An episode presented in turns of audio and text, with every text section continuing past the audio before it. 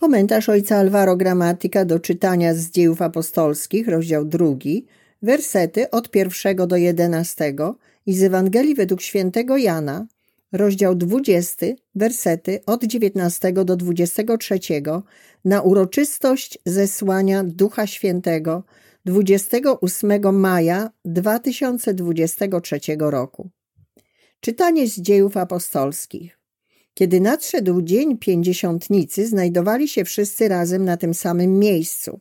Nagle dał się słyszeć z nieba szum, jakby uderzenie gwałtownego wiatru i napełnił cały dom, w którym przebywali.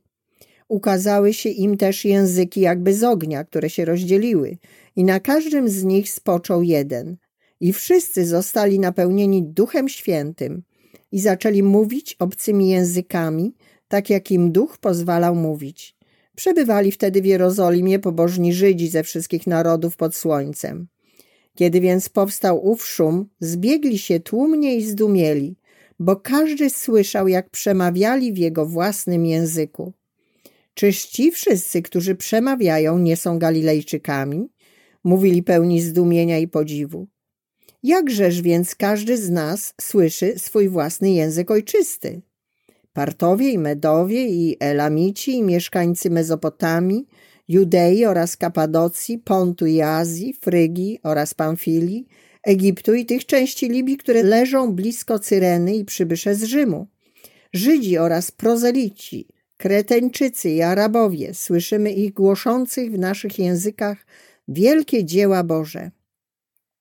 Czytanie z Ewangelii według świętego Jana, rozdział 20, wersety od 19 do 23. Wieczorem, w dniu zmartwychwstania, tam gdzie przebywali uczniowie, gdy drzwi były zamknięte z obawy przed Żydami, przyszedł Jezus, stanął pośrodku i rzekł do nich: Pokój wam. A to powiedziawszy, pokazał im ręce i bok. Uradowali się zatem uczniowie, ujrzawszy Pana. A Jezus znowu rzekł do nich: Pokój wam. Jak ojciec mnie posłał, tak ja was posyłam. Po tych słowach tchnął na nich i powiedział im: Weźmijcie Ducha Świętego, którym odpuścicie grzechy, są im odpuszczone, a którym zatrzymacie, są im zatrzymane. Pierwsze czytanie z dziejów apostolskich przedstawia stąpienie Ducha Świętego w dniu Pięćdziesiątnicy z perspektywy ewangelisty Łukasza. W Ewangelii natomiast czytamy, w jaki sposób odbyło się wylanie Ducha Świętego według relacji Jana. Zarówno Łukasz, jak i Jan opisują dar Ducha Świętego, podkreślając dwa aspekty, które wzajemnie się uzupełniają i które razem dają ogólny obraz biblijnego przesłania o przyjściu Ducha. W dziejach apostolskich akcentuje się przemianę apostołów zgromadzonych w wieczorniku, oczekujących na wypełnienie się obietnic. Polecenie Jezusa było takie: oczekiwać przyjścia obiecanego Ducha Świętego, Ducha, który zapoczątkowuje czasy mesjańskie. Jest to więc duch cudów i proroków, jest to duch mocy. Wystarczy przeczytać proroka Joela, aby mieć wyobrażenie o tym oczekiwaniu. Joel 3, 1 5.